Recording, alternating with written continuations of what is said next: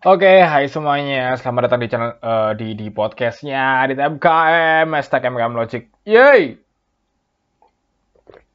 Nah, seperti biasa, ini adalah podcast yang dibikin tidak untuk didengar orang, tapi untuk memudahkanku buat menulis materi supaya lebih rapi, terus kayak biar kebayang, oh ini bisa diselipin ini gitu.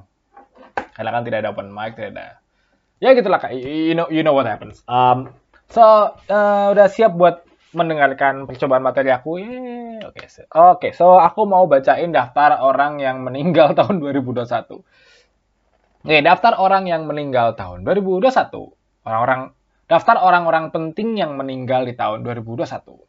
Pertama, ada Pangeran Philip dari Kerajaan Inggris.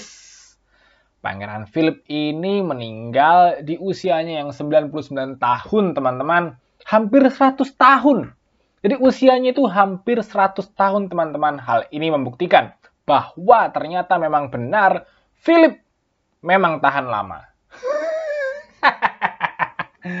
ah, aku yakin tuh pasti waktu dimakamkan tuh di lehernya ada tulisan garansi pakai spidol. Lucu banget. Terus ada lagi uh, siapa sih Steven ya? Steven vokalisnya Steven and Coconut Trees, teman-teman. Uh, aku nggak mau jokes banyak-banyak tentang orang ini. Tapi aku percaya dan berdoa supaya orang ini masuk surga. Karena di surga nanti dia pasti akan dinyanyiin sama Tuhan. Kayak, Welcome to my paradise. My paradise ya. Ingat, my paradise. Kamu jangan ngaku-ngaku. Not yours, my paradise. Oke. Okay. Terus ada lagi teman-teman. Uh, Rahmawati Soekarno Putri. Nah, dari namanya aja udah tahu ya. Kalian tahu ini pasti putrinya siapa? Bener, Luhut. Enggak lah, kamu. Soekarno Luhut. Rahmawati Soekarno Luhut. Rahmawati Soekarno Putri ini adalah putrinya Bung Karno, proklamator kita yang uh, istrinya banyak itu. Jadi aku nggak tahu ini anaknya yang dari yang mana. Cuman uh, setahu aku dia itu kalau nggak salah kakaknya Bu Mega. Dan dia ini juga adalah ketua uh, pendiri dari uh, Partai Pelopor. Ini ada yang tahu Partai Pelopor nggak sih? Nggak ada, nggak ada, nggak ada yang tahu ya. Nggak apa-apa, emang partainya udah mati kayak foundernya. Oke, okay.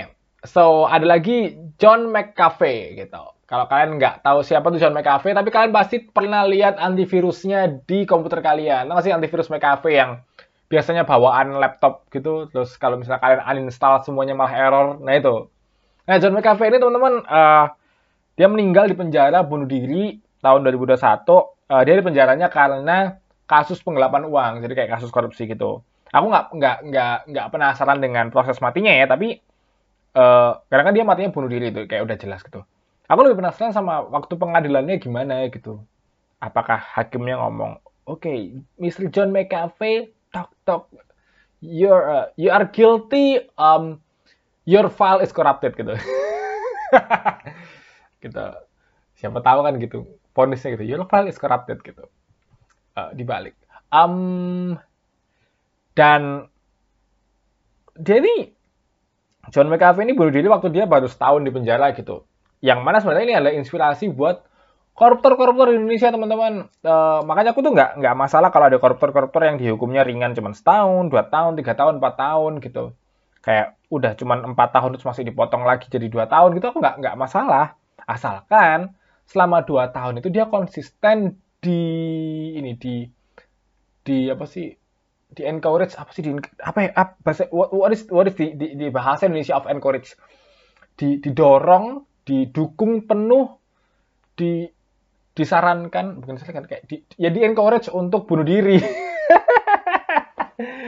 Uh, jadi kayak tiap pagi dibawain makan gitu terus kayak oh ini mas ini makanannya terus ini pil sianidanya ya. Jangan lupa diminum mas gitu. Sudah banyak rakyat yang nunggu gitu. Pokoknya dia hari dibikin rasa bersalah terus sampai dia oh ya ini aku harus melakukan ini gitu. Gak apa. Mereka boleh cuman setahun di penjara asalkan di bulan ke-10 mereka bunuh diri gitu nggak apa-apa. I'm, I'm, I'm fine with it gitu. Terus ada lagi orang yang orang penting yang meninggal itu ini uh, Susatyo Adi Priambodo. Buat kalian yang nggak tahu, mungkin emang nggak penting-penting amat buat kalian, tapi dia penting buat aku teman-teman. Uh, dia bapakku. Ini bapak aku teman-teman. Uh, bapak aku meninggal tanggal 3 Agustus 2021. Um, dia penting karena ya secara DNA setengah DNA-nya aku dia gitu ya aku nggak nggak mau jelasin proses gimana kok bisa setengah DNA-nya aku dia ya saya harus kayak jelasin ini caranya adalah kontolnya papa. Nggak dong nggak nggak nggak harus gitu kan. Um, jadi beliau tuh meninggal terus tahu gak sih kalau kalau kalau kalian lagi kedukaan gitu selalu pertanyaan yang muncul adalah matinya kenapa? gitu. Aku tuh nggak nggak bisa jelasin papa matinya kenapa karena karena papa tuh nggak nggak yang kayak uh, sakit jantung atau sakit paru-paru atau gangguan ginjal, gangguan pencernaan atau apa ya penyakit penyakit mematikan lain uh, kena kena liver atau kena diabetes atau kena Islam radikal. Aku eh aku nggak tahu bapak bapak pokoknya nggak nggak nggak nggak sakit gitu loh apa itu nggak nggak nggak nggak sakit yang medis yang kayak gitu gitu nggak. Um, malah kalau kalau kalian kalian ini ya kalau kita lihat uh, kronologisnya jadi di beberapa hari bahkan mungkin beberapa bulan terakhir sebelum dia meninggal itu dia secara rutin tuh kayak pulang malam mabuk-mabukan kayak gitu. Dan dia waktu hari terakhir dia meninggal itu kesaksian orang rumah dia mabuk pulang terus pagi itu orang-orang karena dia mabuk sampai ngorok kayak kayak orang kayak orang nggak sadar gitu orang-orang takut terus orang-orang pergi dari rumah siang balik lagi ke rumah terus orang papa udah nggak ada gitu papa udah kaku di di kasur gitu. So itu bukan cerita yang yang enak diceritakan pas ada jenazahnya terus di depan peti mati gitu. Nggak enak ya bapakku mati mabuk. Kayak nggak nggak nggak enak. Dan itu juga bahkan bukan bukan cerita yang enak untuk untuk untuk dijadikan berdamai gitu. Untuk untuk untuk untuk untuk untuk aku supaya bisa berdamai dengan cerita apa gitu. Maka setelah lewat lewat lewat uh, berbagai macam perenungan aku sadar bahwa papa itu sama kayak sama kayak uh, orang tua orang tua lain yang sakit jantung atau covid atau apa pun yang yang sakit gitu. Papa juga sakit tapi penyakitnya itu bukan bukan yang fisik yang yang bisa dioperasi sembuh gitu. Papa itu sakitnya mental gitu. Dia dia hidupnya banyak tekanan uh, depresi. Dia harus jauh dari anak-anaknya tapi dia tetap harus nanggung biaya hidup anak-anaknya. Uh, keluarga yang dia dia dia idam-idamkan berantakan dia diceraikan sama istrinya terus anak-anaknya nggak nggak dekat dengan dia. Aku juga nggak dekat sama dia. So batinnya pasti terluka teman-teman. Bat, batinnya terluka dan itu udah bertahun-tahun uh, jadi ketika ketika mama meninggal caraku berdamai adalah ya ya sama dengan uh, dengan anak-anak yang papanya meninggal juga karena penyakit. Ya aku ya aku mening, uh, aku aku berdamainya juga dengan cara oke okay, berarti papa sekarang uh, sakitnya juga udah diangkat sama Tuhan. Kayak gitu-gitu um, dan papa itu apa ya bukan orang yang terbuka sama sama kondisinya gitu. Kalian tahu gak sih kalian masih punya teman-teman yang sok kuat yang kayak kalau misalnya sakit gitu kayak aku nggak apa-apa kok gitu. Atau pas lagi kayak uh, sedih gitu dia kayak santai-santai. Kayak kata-kata itu selalu, selalu sama tuh. Formnya selalu kalau nggak? Santai gampang wis talah. Santai gampang. Setelah gak usah dipikir. Cek aku yang mikir. Selalu kayak gitu polanya tuh kayak biar aku aja yang mikir gitu. Kayak itu papaku tuh kayak gitu. Uh, makanya makanya kayak uh, banyak beban yang dia tanggung sendiri dan dia dan karena dia nggak nggak mau cerita itu ke siapa pun termasuk anaknya gitu. Dan akhirnya larinya papa karena stres larinya ke minuman keras gitu. Yang mana menurutku wajar maksudnya kayak ya terkesan terkesan kayak bapakmu hobi mabuk ya gitu kayak tapi ayolah kita kita juga masing-masing dari kita tuh punya hobi yang aneh-aneh juga gitu ada orang di sini tuh yang hobi ngoleksi Gundam coba maksudnya kayak aku nggak ngejudge orang ngoleksi Gundam cuman kalau kalian bawa itu ke ke zaman nabi-nabi, ya kan dikira berhala, sama sama sama dosanya gitu. So shut up gitu. Aku meninggal melakukan apa yang dia suka, so shut, shut the fuck up kalian. Gitu. Um, aku awalnya masih kayak kecewa gitu papa meninggal dengan cara seperti ini. Tapi uh, yang yang bikin yang yang aku aku aku aku aku aku ambil waktu untuk diam terus mengingat lagi beberapa kejadian yang sudah pernah terjadi dalam hidupku gitu. Setahun sebelum ini, kakek aku yang dari mama meninggal. Uh, kakek itu kayak dia udah beberapa tahun ditinggal istrinya gitu, istrinya juga udah meninggal, terus dia kayak kehilangan kehilangan semangat hidup gitu, terus dia menolak untuk hidup, jadi kayak dia nggak mau makan, terus akhirnya membiarkan dirinya tuh sakit, sakit, sakit, sakit, dan akhirnya meninggal.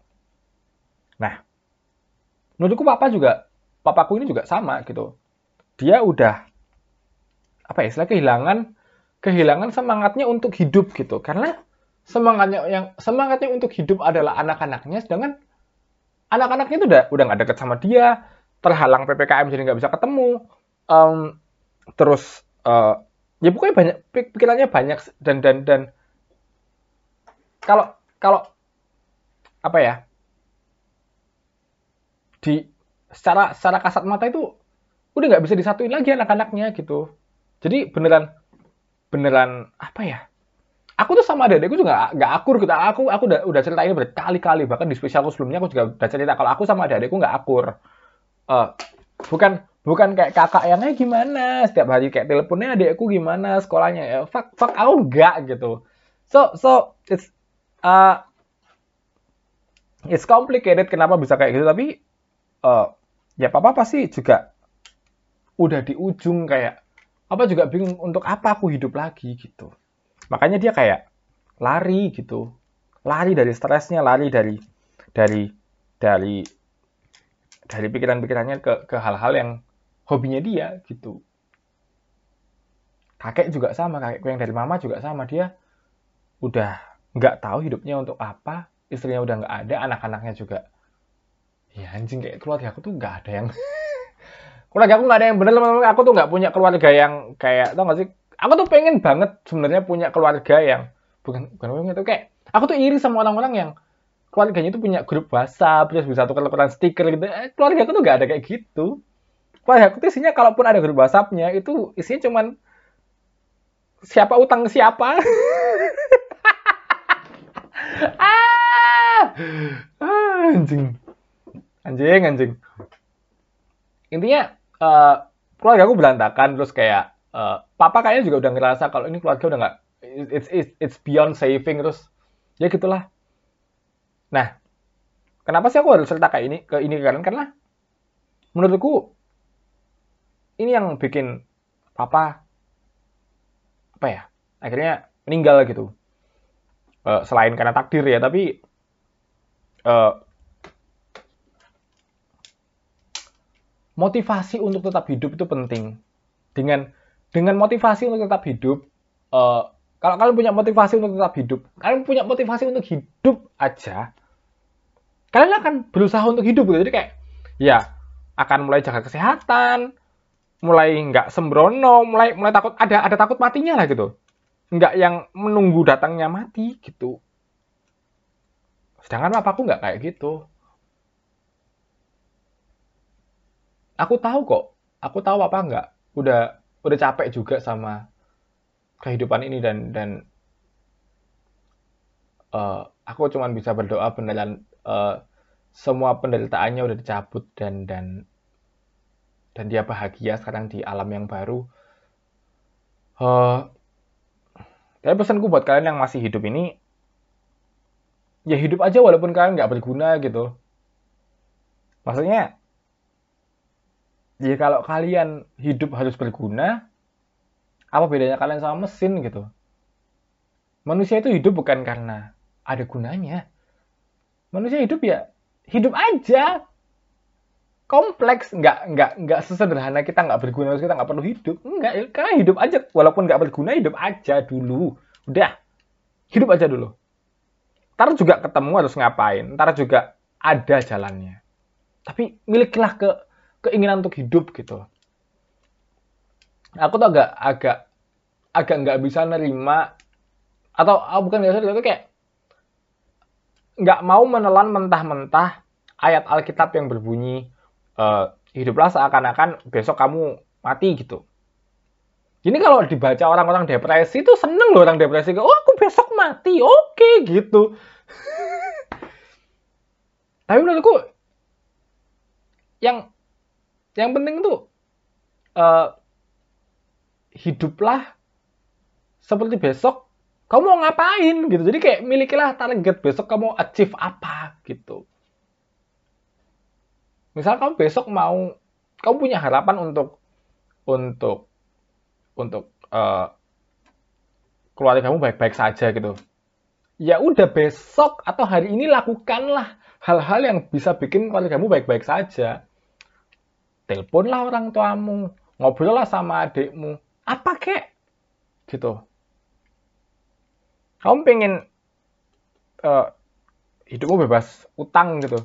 Ya, lakukanlah hal yang bisa mewujudkan itu gitu. Jangan nyerah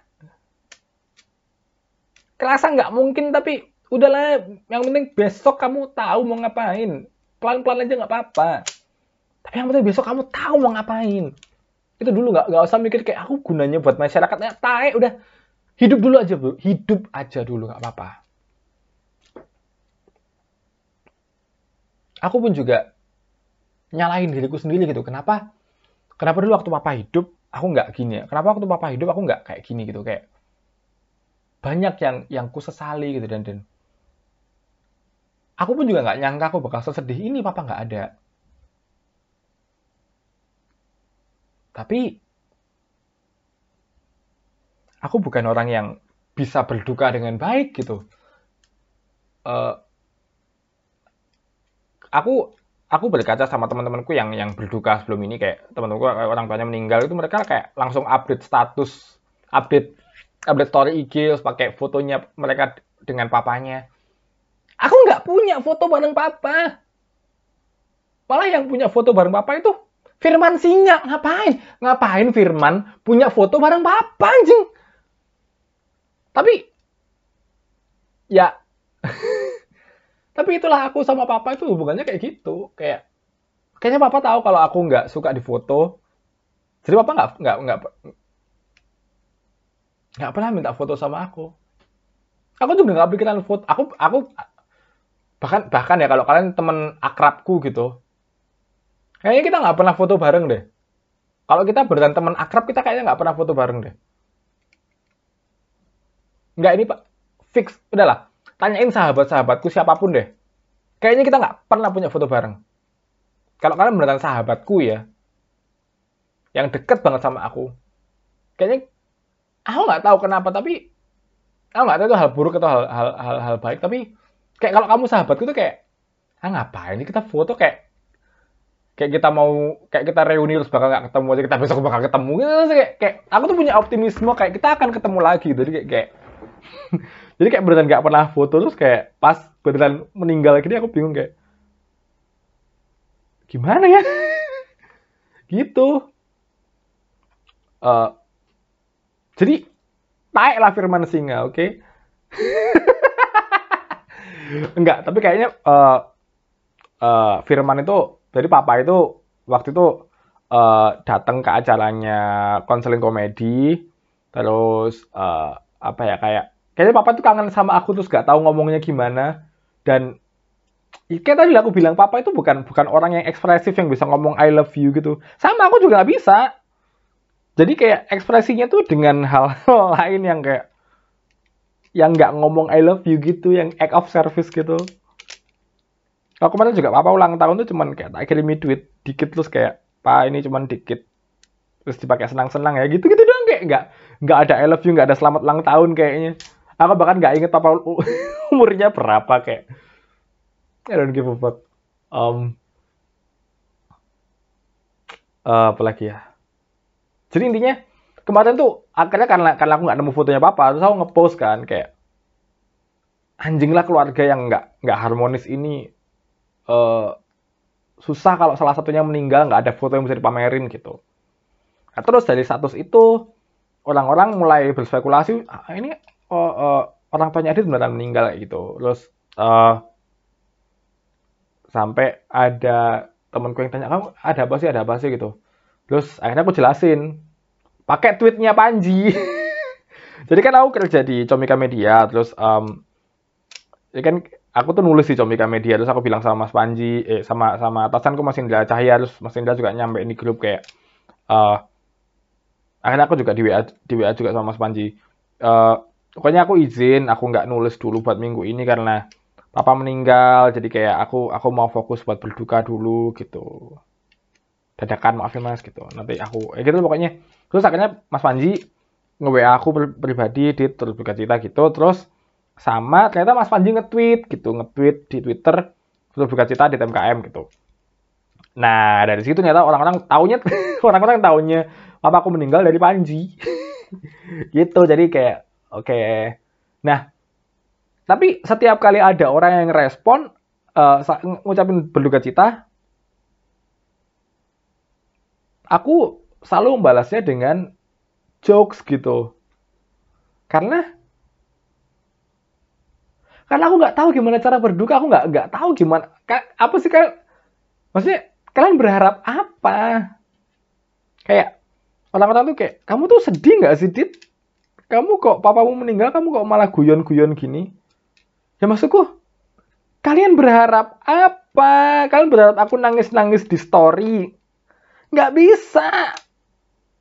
Aku nggak nggak nggak berbakat berduka seperti itu. Aku nggak tahu gimana caranya nangis yang baik. Aku nggak tahu gimana caranya grieving dengan baik.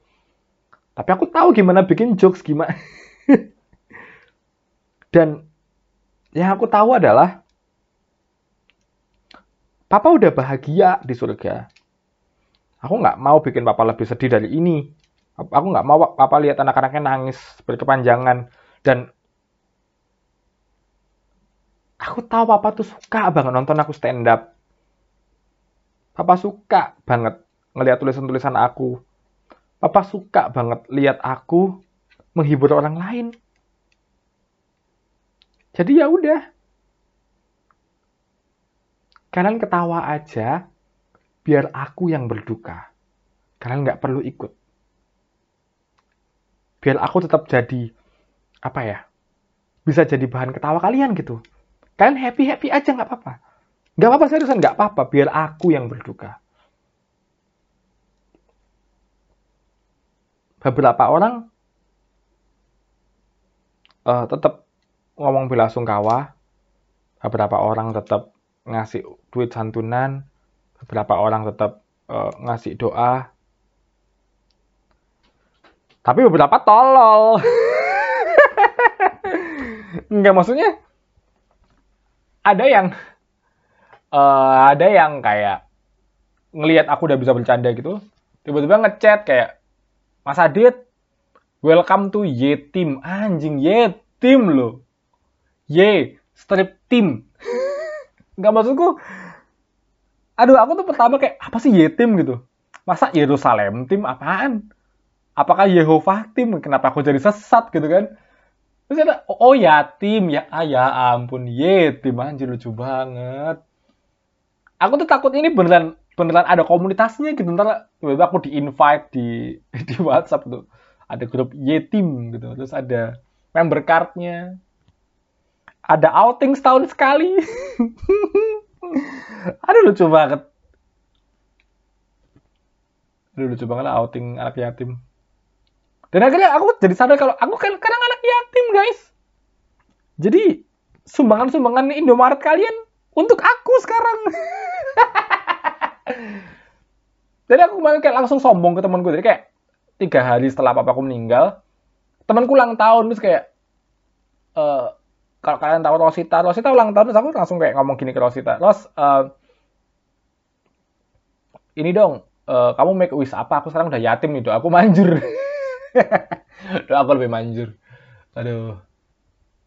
Ini sumpah ya, ini kalau kalian pengen COVID berakhir, uh, mari kita gabungkan dua kepercayaan Islam dan Kristen gitu. Kalau Islam kan percaya kalau doa anak yatim itu manjur gitu kan. Terus kalau Kristen kan ada dua tiga orang berdoa, aku ada di tengah-tengah kamu kayak gitu kan. Jadi kumpulin aja gitu anak-anak yatim suruh doa COVID berakhir.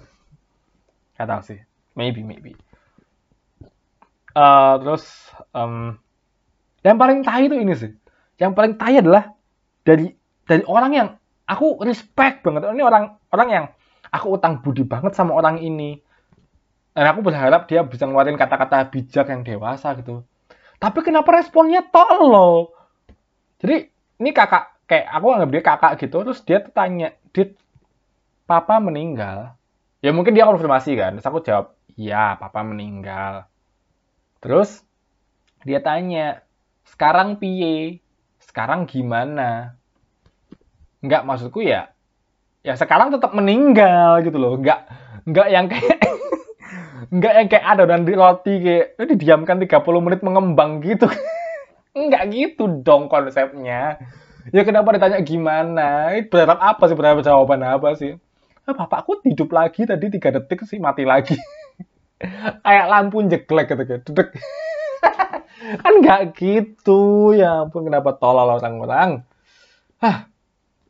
Tapi uh, itu akhirnya ini jadi hiburan buat aku terus uh, setelah proses kedugaannya selesai, uh, akhirnya keesokan harinya itu aku udah mulai mengurus hal-hal pasca kematian deh kayak kayak akta kematian, terus semua warisan-warisan papa, terus kayak eh, hal-hal uh, yang belum selesai terbayarkan oleh papa gitu. Terus mulai mikir ini siapa yang bayarin sekolahnya anak-anak gitu. Anak-anak yang lain kan aku punya dua adik.